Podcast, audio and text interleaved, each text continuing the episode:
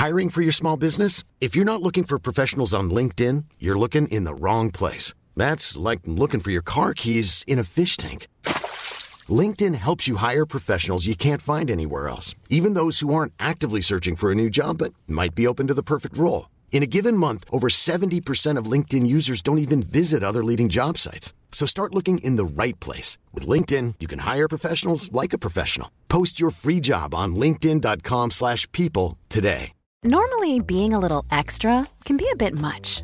But when it comes to healthcare, it pays to be extra. And United Healthcare makes it easy with Health Protector Guard fixed indemnity insurance plans. Underwritten by Golden Rule Insurance Company, they supplement your primary plan, helping you manage out of pocket costs without the usual requirements and restrictions like deductibles and enrollment periods. So when it comes to covering your medical bills, you can feel good about being a little extra. Visit uh1.com to find the Health Protector Guard plan for you. Quality sleep is essential. That's why the Sleep Number Smart Bed is designed for your ever evolving sleep needs. Need a bed that's firmer or softer on either side? Helps you sleep at a comfortable temperature? Sleep Number Smart Beds let you individualize your comfort so you sleep better together. JD Power ranks Sleep Number number 1 in customer satisfaction with mattresses purchased in-store. And now save 40% on the Sleep Number limited edition Smart Bed for a limited time. For JD Power 2023 award information, visit jdpower.com/awards. Only at Sleep Number stores or sleepnumber.com. Palmemordet, Polisspåret, del 3. Baseballligan. Sveriges statsminister Olof Palme är död. 90 000. Ja, det är mord på Sveavägen. Hörde de säger att det är Palme som är skjuten. Mordvapnet med säkerhet är en Smith Wesson, en revolver kaliber .357. Inte ett svar. Finns inte ett svar. För jag har inget. Och jag har inte varit Varför skulle jag Polisen söker en man i 35 till 40-årsåldern med mörkt hår och lång mörk rock. Det här avsnittet görs i samarbete med Maxulin. Maxolin är ett kosttillskott för män med testofen, magnesium och zink.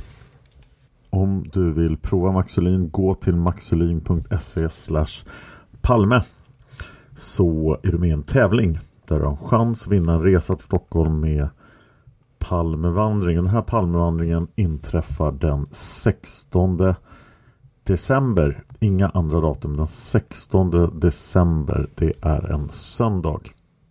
Och det är vinnarna i tävlingen. Tre stycken vinnare kommer att vara med och tre stycken vinnare från eh, min andra podd, Seriemördarpodden. Den 3 december kommer tre tävlande att dras som får svara på en kunskapsfråga. Om svaret är rätt då så har den tävlande vunnit. Och man har 72 timmar på sig att svara. Så att har ni gått till maxolin.se palme så håll koll runt den 3 december. Det är dags för oss att ta oss an Baseballligan. Baseballligan, baseballpoliser, det är termer man ofta hör i samband med Palmemordet. Och det är väldigt, väldigt många poliser som anklagas för att vara baseballpoliser. Att de var med i baseballligan som vi inte vet om de var med i baseballligan eller inte. Och det finns mycket vi inte vet om baseballligan. Vi vet inte exakt vilka som var medlemmar i den. Men vi vet en hel del. Och nu ska vi försöka ta reda på vad vi faktiskt vet. Det finns ett antal intressanta och trovärdiga källor i den här frågan. Men nu läser jag från granskningskommissionens betänkande i anledning av brottsutredningen efter mordet på statsminister Olof Palme. Sid 279 Polisspåret Sektion 412 Vissa utredningar avseende förhållanden vid Stockholmspolisen. Bakgrund Vaktdistrikt 1 VD1 inom Stockholmspolisen innefattar grovt uttryckt Stockholm city, Norrmalm och Vasastan. Som synonym till VD1 används ofta Norrmalmspolisen.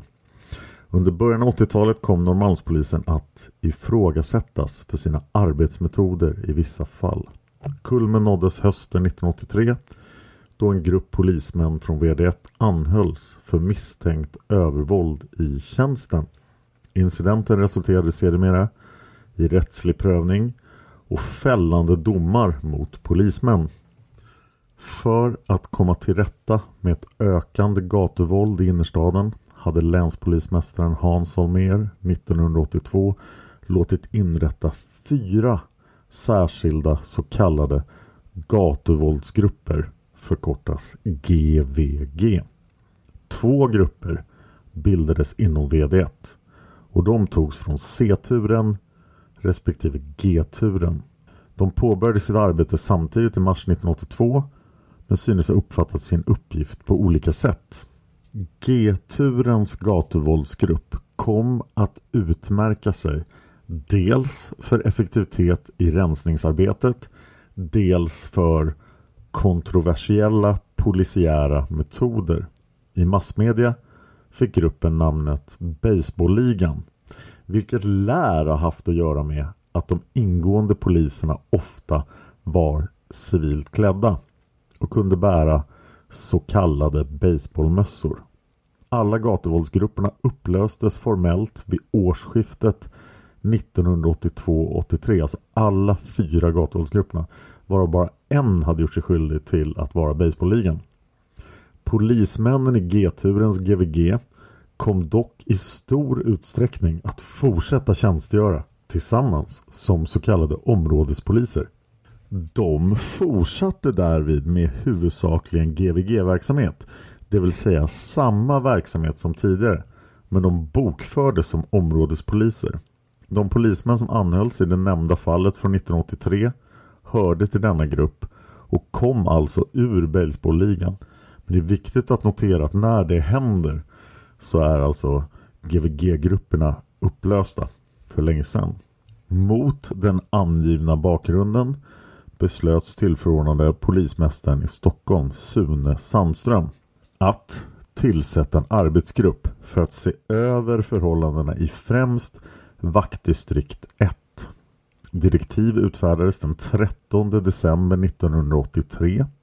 Arbetsgruppen bestod av tillförordnade polisöverintendenten Gunnar Severin, tillförordnade polisintendenten Arne Jönsson, poliskommissarien Hans Hylander och kriminalinspektören Jan Lemninge. Justitiedepartementet utsåg efter tillförordnade polischefen Sune Sandströms begäran en observatör, lagmannen Lars Olov Hillerud. Polisstyrelsen utsåg informationssekreterare Roland Örn att vara styrelsens observatör. Gruppen redovisade sitt arbete i en rapport i september 1984. Och den rapporten har allmänt kommit att kallas Norrmalmsutredningen.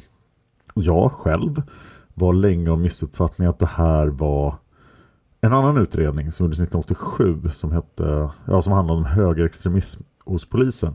För där är nämligen Roland Örn också inblandad. Men det här är en separat utredning från 1984.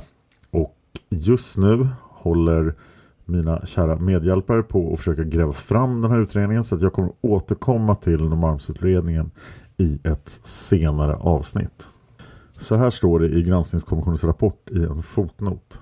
Norrmalmsutredningen, slutrapport Stockholms polisdistrikt Ordningsavdelningen, utredningen Norrmalms vaktdistrikt 1984 09 24. Rapporten omfattar drygt 40 sidor samt bilagor. Citat i det följande hämtade ur rapporten. Men de här bilagorna är betydligt längre så att rapporten var något större än så. Men vi återkommer som sagt till den. Jag fortsätter ur granskningskommissionen. I de delar som är av intresse i förevarande sammanhang redovisades följande. De syftar alltså på den här Norrmalmsutredningen från 1984.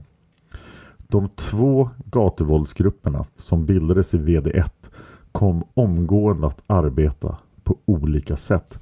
Den ena, C-turen, arbetade enligt instruktionerna och de intentioner som fanns bakom inrättandet av GVG-grupperna. Och jag är väldigt intresserad av att höra vad som vad C-turen faktiskt lyckades göra och hur den jobbade och så vidare. För att man får bara höra om G-turen, alltså baseballligan. Rapporten fortsätter. Den andra, G-turen, drog snart på sig kritik från såväl kollegor som allmänheten. Kritiken från kollegorna gick ut på att G-turen använde bryska metoder och missbrukade möjligheten att arbeta i civila kläder. Av rapporten framgår att det är en spridd uppfattning inom polisen att ingripanden på allmän plats bör göras av uniformerad personal eftersom det annars lättare uppstår störningar. När man arbetar samman i grupper av detta slag bör därför civila polismän fungera enbart som spanare understödda av uniformerad personal som tillkallas för ingripanden. G-turen arbetade dock i det närmaste helt civilt i en väl sammanhållen grupp. Inom vaktdistrikt 1 framfördes bland annat uppfattningen att eh, den här verksamheten borde stoppas för att citat förhindra ett olyckligt slut. Slut citat. Och det olyckliga slutet kom mycket riktigt. Rapporten fortsätter. Trots den tendens till stegrad våldsanvändning som kunde avläsas både i gruppens egna rapporter och i framförda klagomål vidtog ledningen för vaktdistrikt 1 inga åtgärder. Gruppen arbetade hög grad på egen hand, det vill säga utan befälsstyrning. Under hösten tillsattes en kommissarie med uppgift att försöka styra gruppen rätt. Denne bedömde emellertid att det inte var möjligt att komma till rätta med gruppens arbetsmetoder och föreslog istället att den skulle upplösas. Verksamheten fortsatte likväl året ut då samtliga GVG-grupper upplöstes efter beslut av chefen för ordningsavdelningen. Låt det där smälta in lite. Alltså de tillsatte en kommissarie som skulle styra den här gruppen. Och det är lite oklart hur många personer som ingår i G-turens GVG-grupp. Men jag bedömer att det är mellan fem och åtta personer. Eh, och de är alltså går inte att styra med en tillsatt kommissarie. Det måste ju vara väldigt ovanligt. Granskningskommissionen fortsätter. Av utredningen framgår att G-turens ingripande i övervägande antalet fall gjordes när polismännen burit civila kläder. Och det här stämde inte med givna direktiv eller med hur vaktdistrikts 1 andra GVG-grupp arbetade. Gruppen, alltså baseballligan, hade ingen egentlig ledning. Under maj till september 1982 hade gruppen inget ordinarie befäl. Den leddes då av polismän inom gruppen enligt polisinstruktionens förmansbegrepp. Verksamhetens målinriktning ändrades. Eh, citat från Norrmalmsutredningen då. De metoder som användes av polismännen har de sannolikt utformat själva. Slutcitat. Någon kontinuerlig kontroll av tjänstgöringen förekom inte. Det verkar som om polisledningen inte hade klart för sig när enskilda polismän var i tjänst och när de inte var det. Och här finns en fotnot och där står att arbetsgruppen har funnit att vakthavande befäl i vissa tjänstgöringsturer inte har full kontroll över personalen. Det förekommer till exempel att anmälan före arbetspaus, står det, men det, det borde vara pass, inte sker till vakthavande befäl och det har också inträffat att vakthavande befäl inte haft kännedom om att polismän infunnit sig till tjänstgöring eller om de anmält sig vid arbetspassets slut. Gruppen fann det alarmerande att sånt kunde inträffa och det är ju sannoliken ganska galet. Alltså polisen vet inte vilka som jobbar för polisen och när. Äh, granskningskommissionen fortsätter. Arbetsgruppens intryck var vidare att citat Vissa av verksamhetsgrenarna i vaktdistrikt 1 har fått sköta sig själva. Slutcitat. GVG-grupperna upplöstes alltså formellt i och med utgången av 1982. Om utvecklingen därefter skrev Norrmalmsutredningen citat från Norrmalmsutredningen. Medlemmarna i G-turens gatuvåldsgrupp kom efter upplösningen att placeras i skilda områden som områdespoliser. De flesta i H-turen. Områdespolisverksamhet enligt gällande eh, tjänsteföreskrifter synes dock inte har bedrivits i någon större omfattning av dessa poliser. Man kan istället hävda att de fortsatte huvudsakligen med gatuvåldsgruppverksamheten men bokfördes som områdespoliser.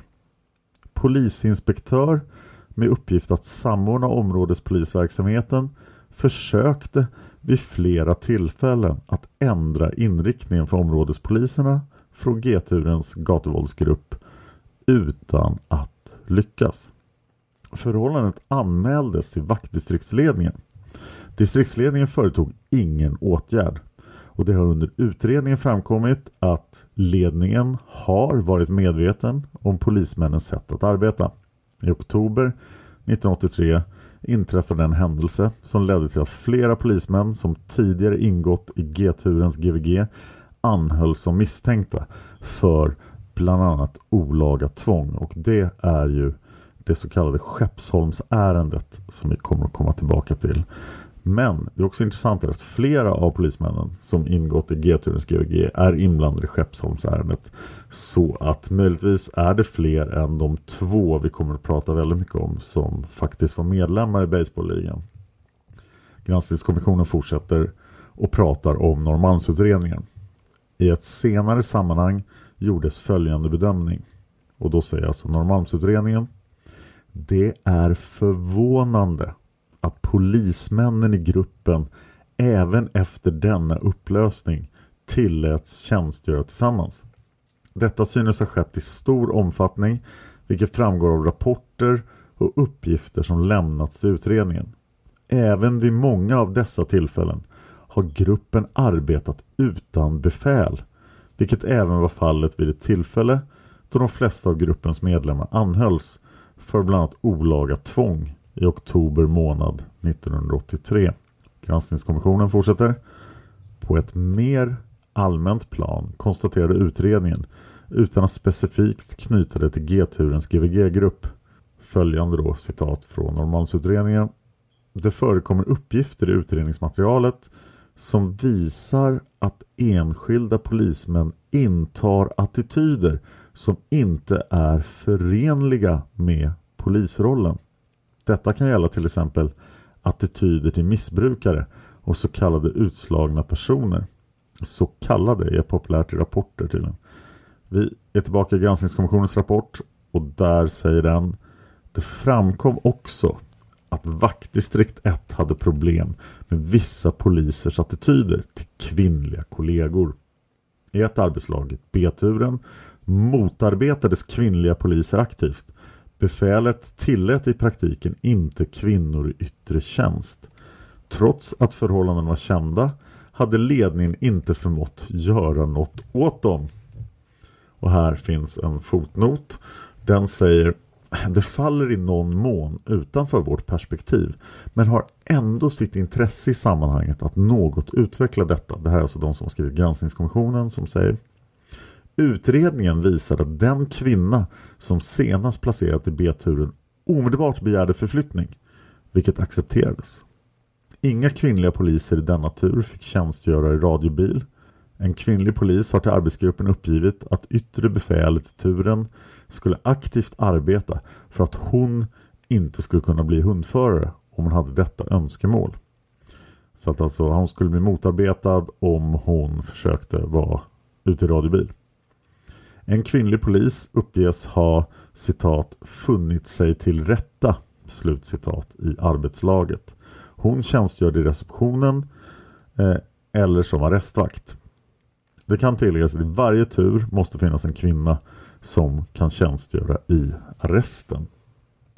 Och här dyker en av våra bokstavspolismän upp. Granskningskommissionen fortsätter. Utredningen rekommenderade att befälet i fråga vid VD1 skulle omplaceras. Det sägs inte vilket befäl som avses i Norrmalmsutredningen då. Men i annat sammanhang framgår det att det rör sig om polisman B. Polisman B var alltså han som arrangerade härmiddagarna i Gamla stan och hade en politisk åsikt då eh, kanske som var långt till höger det är ju han som ger upphov till den här högerextremistutredningen som vi kommer tillbaka till senare. Granskningskommissionen fortsätter. Beträffande våldsanvändning fann utredningen att VD1 som helhet inte utmärkte sig i förhållande till andra vaktdistrikt. I vart fall inte om man beaktar en del för VD1 specifika omständigheter. Till exempel var polismän i detta distrikt ensamma om att regelbundet behöva transportera gripna och omhändertagna i hiss. Vilket erfarenhetsmässigt ofta ledde till stök och bråk.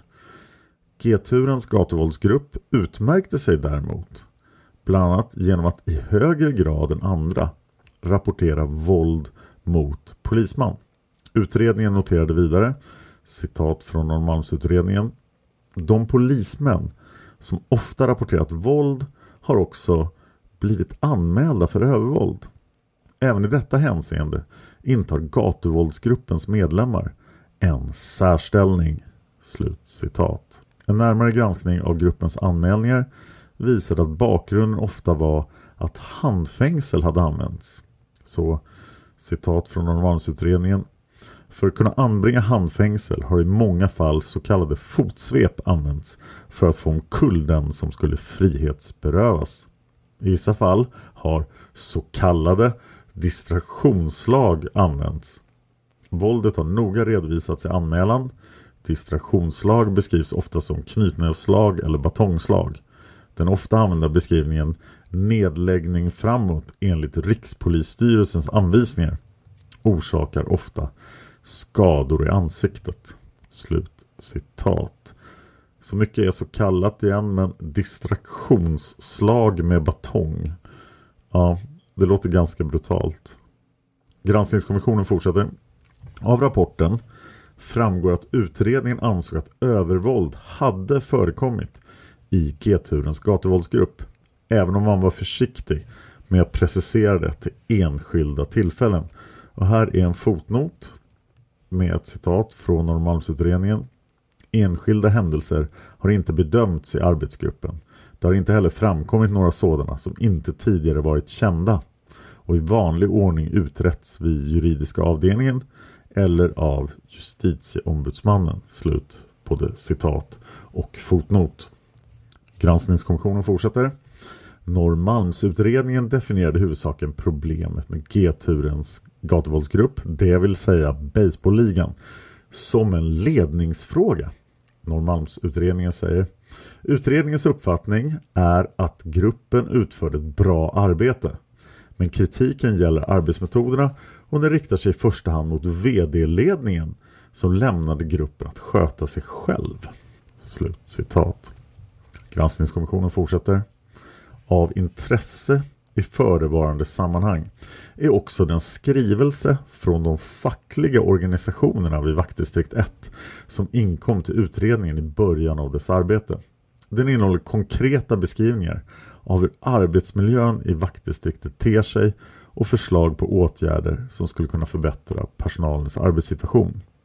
Det framgår emellertid också att personalen var påfallande missnöjd med rådande förhållanden. Därvid skymtar kraftiga spänningar mellan polismännen och deras uppdragsgivare i vid mening.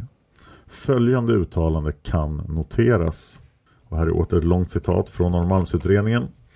I detta sammanhang kan nämnas att den enskilde polismannen ofta hamnar i en konfliktsituation vad avser lagarna LAS, AOS och LOS. Med tanke på åklagarnas, domstolarnas och politikernas nonchalanta och liberala tolkning av lagarna. Eh, polismännen måste ofta använda sig av dessa lagar för att komma till rätta med akuta ordningsproblem. Polismännen måste ta hänsyn till affärsinnehavarna, de boende och andra intressenter. En fråga som ofta upplevs negativt av polispersonalen på Norrmalm är kontakten med massmedia. Nyhetsbevakningen om polisen upplevs som klart negativ.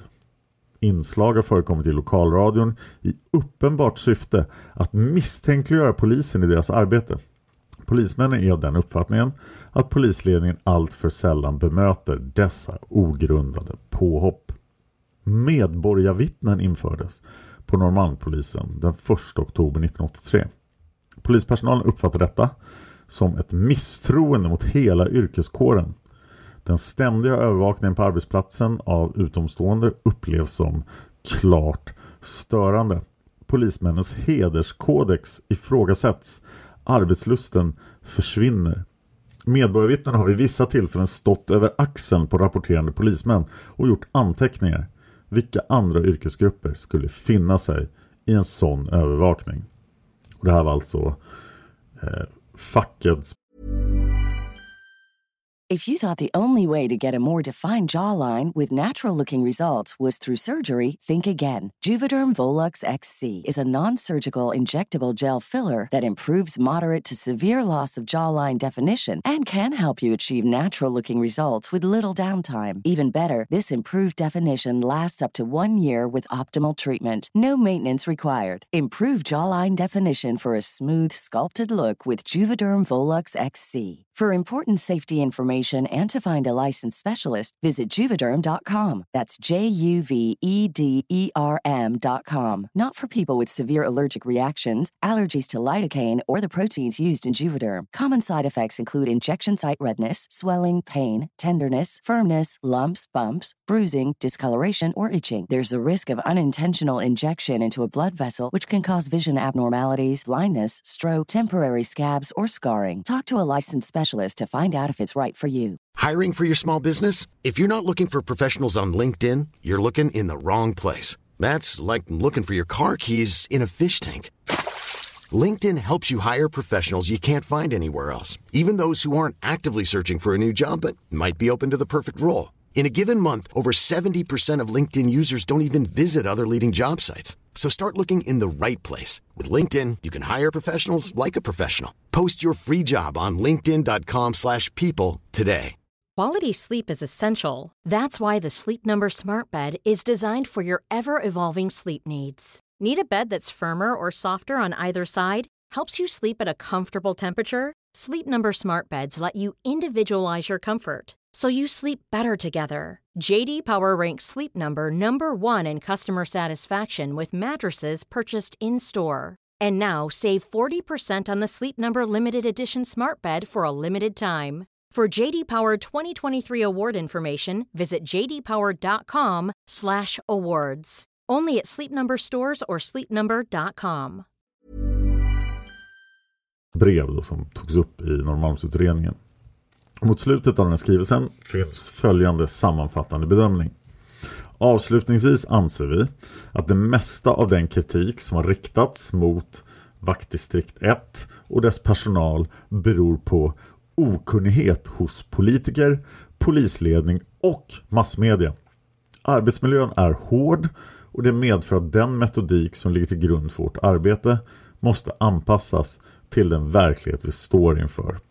Granskningskommissionen avslutar den tiosidiga promemorian från de fackliga representanterna daterad den 14 februari 1984 är intagen som en bilaga till rapporten säger de och då antar jag att de menar Norrmalmsutredningen.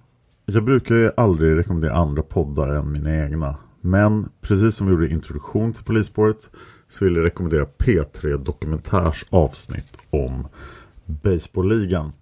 Det är en ganska bra bild av hur ja, den typ av eh, stämning, hur brutalt det var att jobba på, eh, på VD1. Mikael Lund är en polis som jobbade på VD1. Han var inte med i Baseballligan men han var piketpolis på VD1.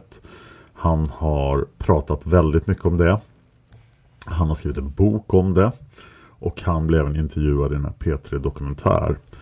Han berättar målande bland annat hur han får lära sig att göra ett trumsolo. Och det är alltså när man släpar in en missbrukare eller annan, annan individ man vill straffa i ett så kallat OT-rum på centralen. Det är rum som används för förhör då för att man ska kunna förhöra eller förvara utan att behöva frakta folk till polisstationen. Och där då kan man ta sin batong och slå personen på mjukdelarna. Och det var det som kallades för att vara ett trumsol.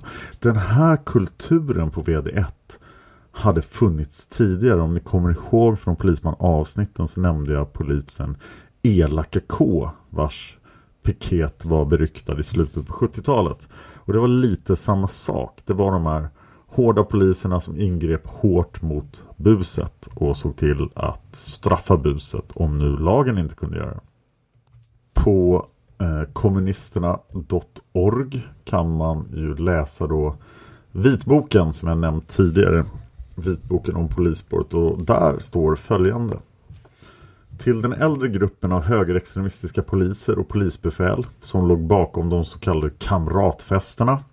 De kommer vi tillbaka till när vi börjar prata om Polisman B. Och som hade en utformad och genomtänkt fascistisk och eller högerextremistisk ideologi. Fogades efterhand en yngre generation poliser.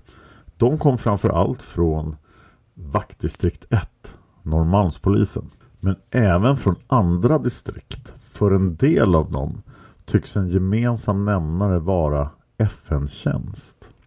Bland de yngre poliserna från Norrmalmspolisen märktes framförallt en grupp från den så kallade Baseballligan. Det vill säga från den så kallade gatuvåldsgruppen, mycket så kallat här också. Som länspolismästare Hans Holmér lät upprätta 1982. Gatuvåldsgruppen bestod av sju till åtta polismän med uppgift att röja i Stockholm city. De gick omkring civilklädda och gärna med amerikanska baseballmössor på huvudet. Gatuvåldsgruppens slash baseballligans uppgift var att skrämma bort dräggen från gator och torg. Och med dräggen avsågs i första hand narkomaner. Gruppen fann snart en metod som passade dess medlemmar. Den bestod av våldsam och systematisk misshandel av de individer man inte ansåg önskvärda. Misshagliga personer drogs in i piketbussar där de misshandlades, företrädesvis genom sparkar. Hade de inte fått nog i bussen dunkade skallen mot hissväggen på väg till arresten i polishuset och ibland fortsatte misshandeln också i arrestlokalen eller OT-rummet på Sergels torg. Baseballligans medlemmar var specialister på sparkar i magen och i nedre kanten av revbenen. Det var sparkar som tog. Det var ett systematiskt utstuderat våld. Baseballligan, det vill säga Holmers gatuvåldsgrupp, var i aktion i knappt ett år. Och under den tiden försvann en del av dess medlemmar och andra kom till. Men hela tiden präglades gruppen av, gruppen av ett utstuderat, närmast perverst våld. Som efterhand undergrävde gruppens existens. Den var helt enkelt för våldsam för att få finnas kvar. 1983 upplöstes gatuvåldsgruppen. Men inte helt och hållet. Som ersättning bildades den så kallade A-turen inom Norrmalmspolisen vars verksamhet visserligen inte var lika utstuderat och rå men likväl präglad av våld och brutalitet och bestående av poliser med samma våldsbenägenhet som Baseballligans. En del poliser gick för övrigt direkt över från gatuvåldsgruppen till A-turen. Nu är vitboken skriven långt innan granskningskommissionens rapport. Men man noterar här, de verkar tro att det är en gatuvåldsgrupp, men vi vet ju att det är fyra. Varav två från VD1. Och att de poliserna gick över till H-turen, inte till A-turen hos Norrmalmspolisen. Gunnar Wall berättar om Baseballligan i Konspiration Olof Palme som ni för övrigt kan hitta på nextory.se. Om ni går till nextory.se slash kampanjkod och skriver in koden PALME får ni 30 dagars gratis Nextory om ni inte har använt deras erbjudande förut. Om ni har det så kan ni registrera med en ny e-mailadress så får ni göra det igen. Där kan ni hitta Konspiration Olof Palme av Gunnar Wall och i den boken kan ni läsa på sid 362 följande. Inom delar av Norrmalmspolisen frodades en särskild kultur som kännetecknades av intresse för nazistsymboler och en förkärlek för våldsamma metoder i samband med ingripanden. Och i de kretsarna var polisman A något av en idol. Jag hoppas verkligen att ni har lyssnat på mina åtta avsnitt om polisman A innan ni lyssnar på det här. Jag fortsätter. Det var inom Norrmalmspolisen som det under en tid i början av 80-talet fanns en speciell civilklädd grupp som skapats på initiativ av Hans Holmer. Baseballligan. Polisman A var inte själv med i baseballligan men den representerade precis de arbetsmetoder som han stod för. Gruppens officiella namn var G-turen Men den fick sin mer informella beteckning genom att de poliser som ingick brukade ha baseballmössor. Baseballligan var en av flera nybildade gatuvåldsgrupper men den kom från början att arbeta på sitt eget sätt. Och det dröjde inte länge innan den gjorde sig ökänd. Huvudregeln för polisens civila spaningsgrupper var att inte göra ingripande med tvångsmetoder utan överlåta sånt åt uniformerad personal. Baseballligan följde dock inte dessa direktiv utan gick regelmässigt in i handgripligheter i civila kläder. Gruppen agerade också mycket mer våldsamt än andra grupper inom Stockholmspolisen. Eh, jag nämnde Mikael Lund tidigare, den här ex-polisen och han har blivit omnämnd på många ställen. Men Aftonbladet har en artikel den 3 februari 2013 som heter Det fanns en grupp ledande poliser som hatade Palme. Och den ger en bild av lite stämningen på Norrmalmspolisen. Eh, jag läser från Aftonbladet. De kallades kungens pojkar. Det var en krets poliser som gick på högerextrema möten med militärer och de såg Olof Palme som en landsförrädare. Deras brutala metoder var fruktade. Vi misshandlade, snodde pengar vid husrannsakningar och planterade bevis. Om vi hade blivit dömda för allt hade det blivit ett par livstidsstraff, säger Mikael Lund som tillhörde piketstyrkan på Norrmalms polisstation på 80-talet. Och jag undrar hur stort tvärsnittet var mellan de som gick på de högerextrema härmiddagarna och de som faktiskt ute på fältet och slogs. Var polisman D och polisman E på härmiddagarna? Ja, kanske kan vi lista ut det. Lite senare i artikeln. Att komma med en konsumkasse till jobbet var uteslutet. Då blir man genast stämplad som sosse av kollegorna på Norrmalms polisstation. Och det var inte bra. Socialdemokrater registrerades och frystes ut. Lite senare i artikeln. Det fanns en krets av högerextrema på VD1, varav flera befäl. Mikael Lund berättar hur en av dem målade med svart tusch på fingrarna och höjde dem till en Hitlermustasch och hejlade med andra armen när en person med utländsk bakgrund kom till arresten. Polisen gjorde apljud åt invandrare och skrattade så det tjöt att ett av polisbefälen hade lärt sin hund att skälla på ordet Palme. Och det ska vi komma tillbaka till, den här hunden som kan skälla när man säger Palme till den. Eh, Mikael Lund fortsätter i intervjun då. Det fanns en grupp ledande poliser som fullständigt hatade Olof Palme. Jag upplever inte att det har kommit fram hur starkt det här hatet verkligen var. Statsministern pekades ut som en sovjetisk spion och hatet kulminerade när regeringen la en proposition om att polisen i händelse av krig skulle få civil status. Mikael Lund idag, alltså 2013, 54 år gammal och då yngst i piketen men skolades snabbt in som en av de tuffaste och tillbringade nästan all sin vakna tid med piketkollegorna. Kårandan och sammanhållningen blev en slags trygghet. Anmälningarna mot honom haglade men kollegorna skyddade alltid varandra. Eh, karaktären Batong Berg i tv-serien Pilgrims död är inspirerad av Norrmalmspolisen. Eh, säger Mikael Lund och fortsätter sådana figurer existerade, men de stod inte i uniform bakom utredaren och gjorde Hitlerhälsning. Så gick det inte till. Allt handlade om att vara professionell i sitt sätt att göra saker. Det fanns ju kameror i hissarna.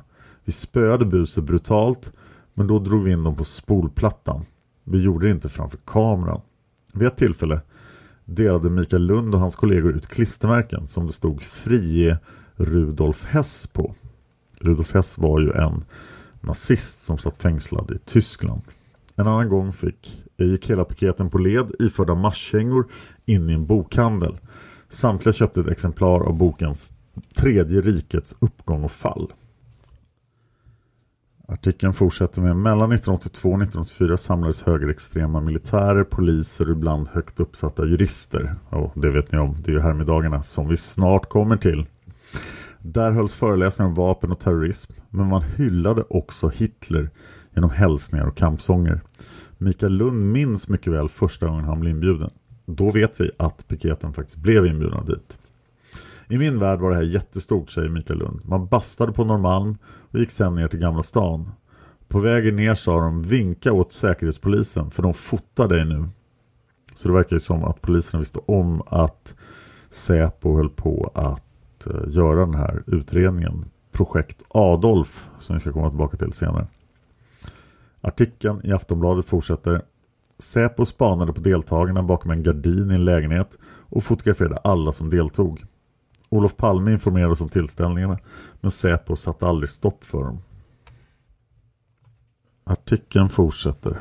Banden mellan polisen och militären var starka.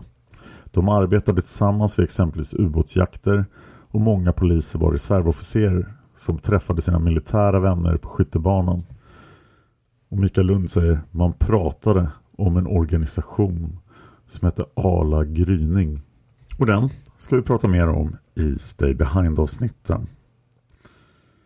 Eh, Mikael Lund säger att han inte jublade när Olof Palme blev skjuten.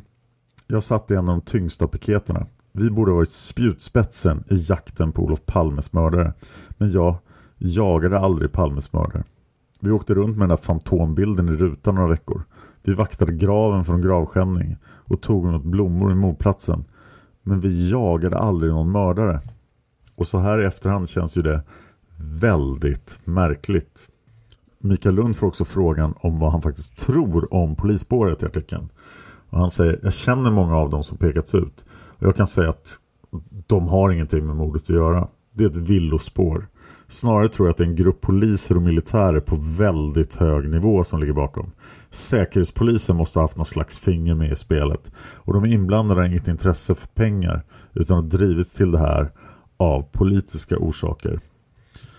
Eh, Mikael Lund lämnade piketen eh, 88 och började jobba med att motverka ungdomsbrottslighet och gängkriminalitet istället. Och då märkte han att eh, mycket av det berodde just på rasism och främlingsfientlighet. Så då började han jobba mot det istället. Och då fick han kontakt med Stig Larsson, alltså författaren till Millennium-trilogin. Och han var ju väldigt intresserad av eh, Palmemordet. Mikael Lund säger Stig Larsson lämnade över en lista till mig med 50 namn på poliser.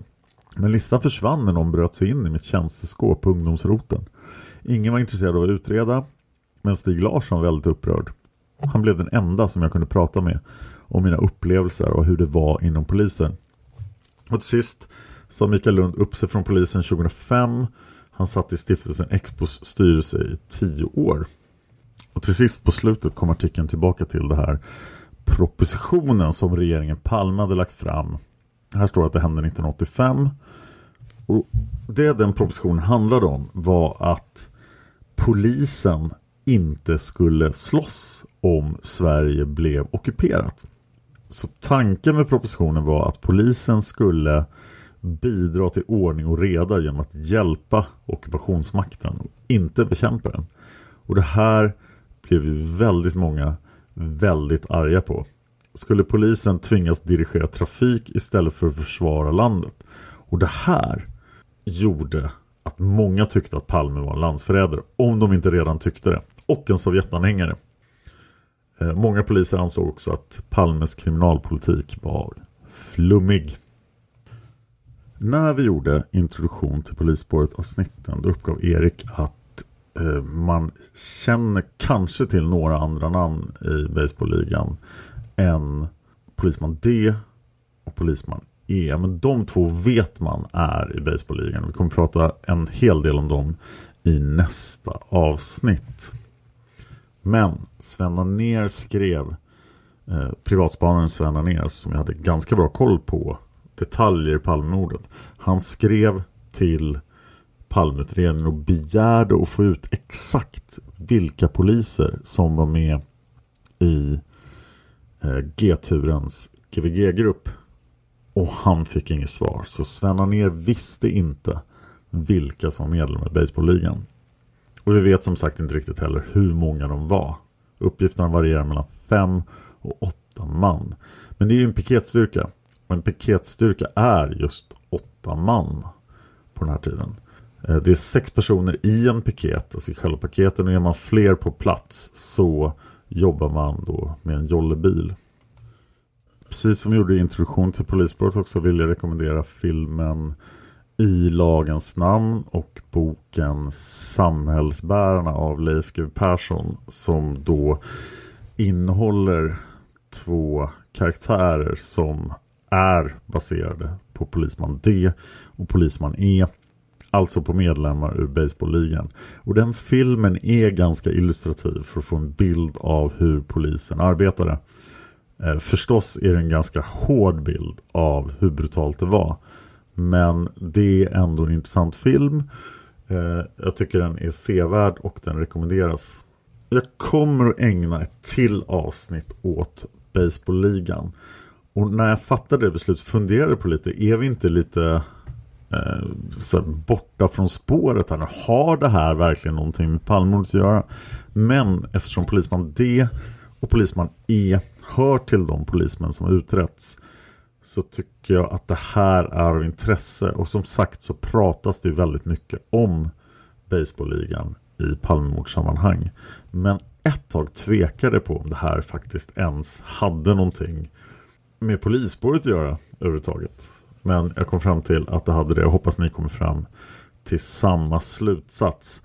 Det vi ska göra i nästa avsnitt är att granska fall där Baseballligan, alltså G-turens GVG-grupp eller efter upplösningen samma poliser blir inblandade i då några kontroversiella ingripanden som leder till ett dödsfall och eh, även några andra fall. Så att, eh, det är det vi ska prata om nästa vecka. Och det är ju förstås främst då Rolf Maknov.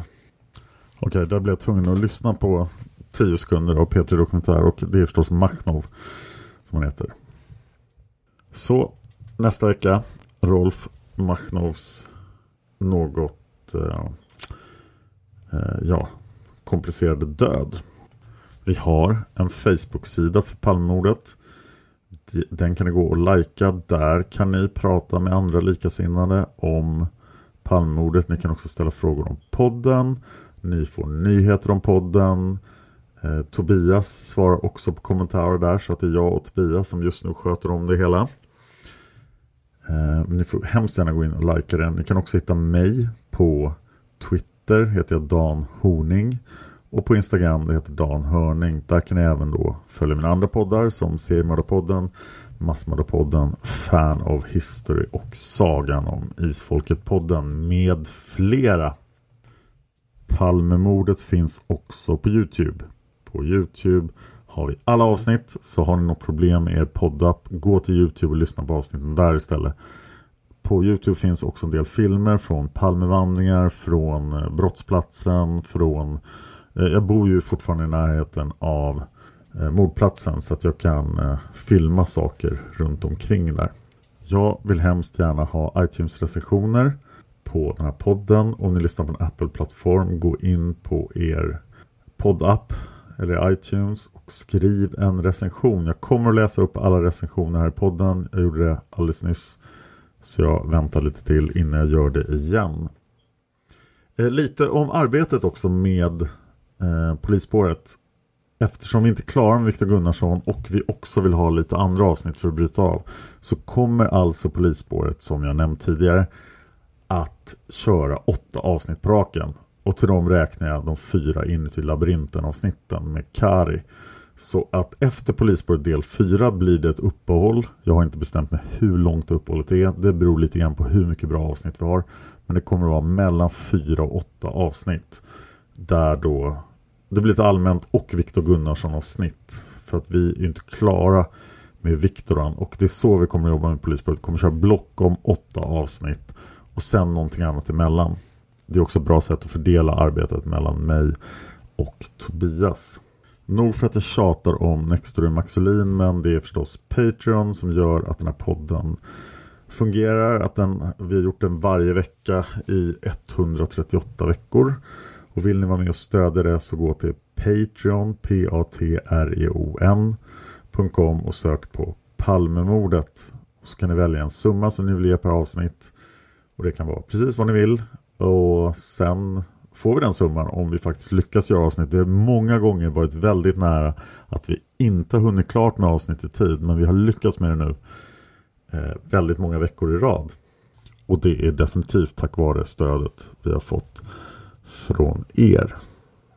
Jag vill tacka mina tre medhjälpare när det kommer till polisspåret. Det är eh, Juan Esposito, P.O. Falmo och Gullsan.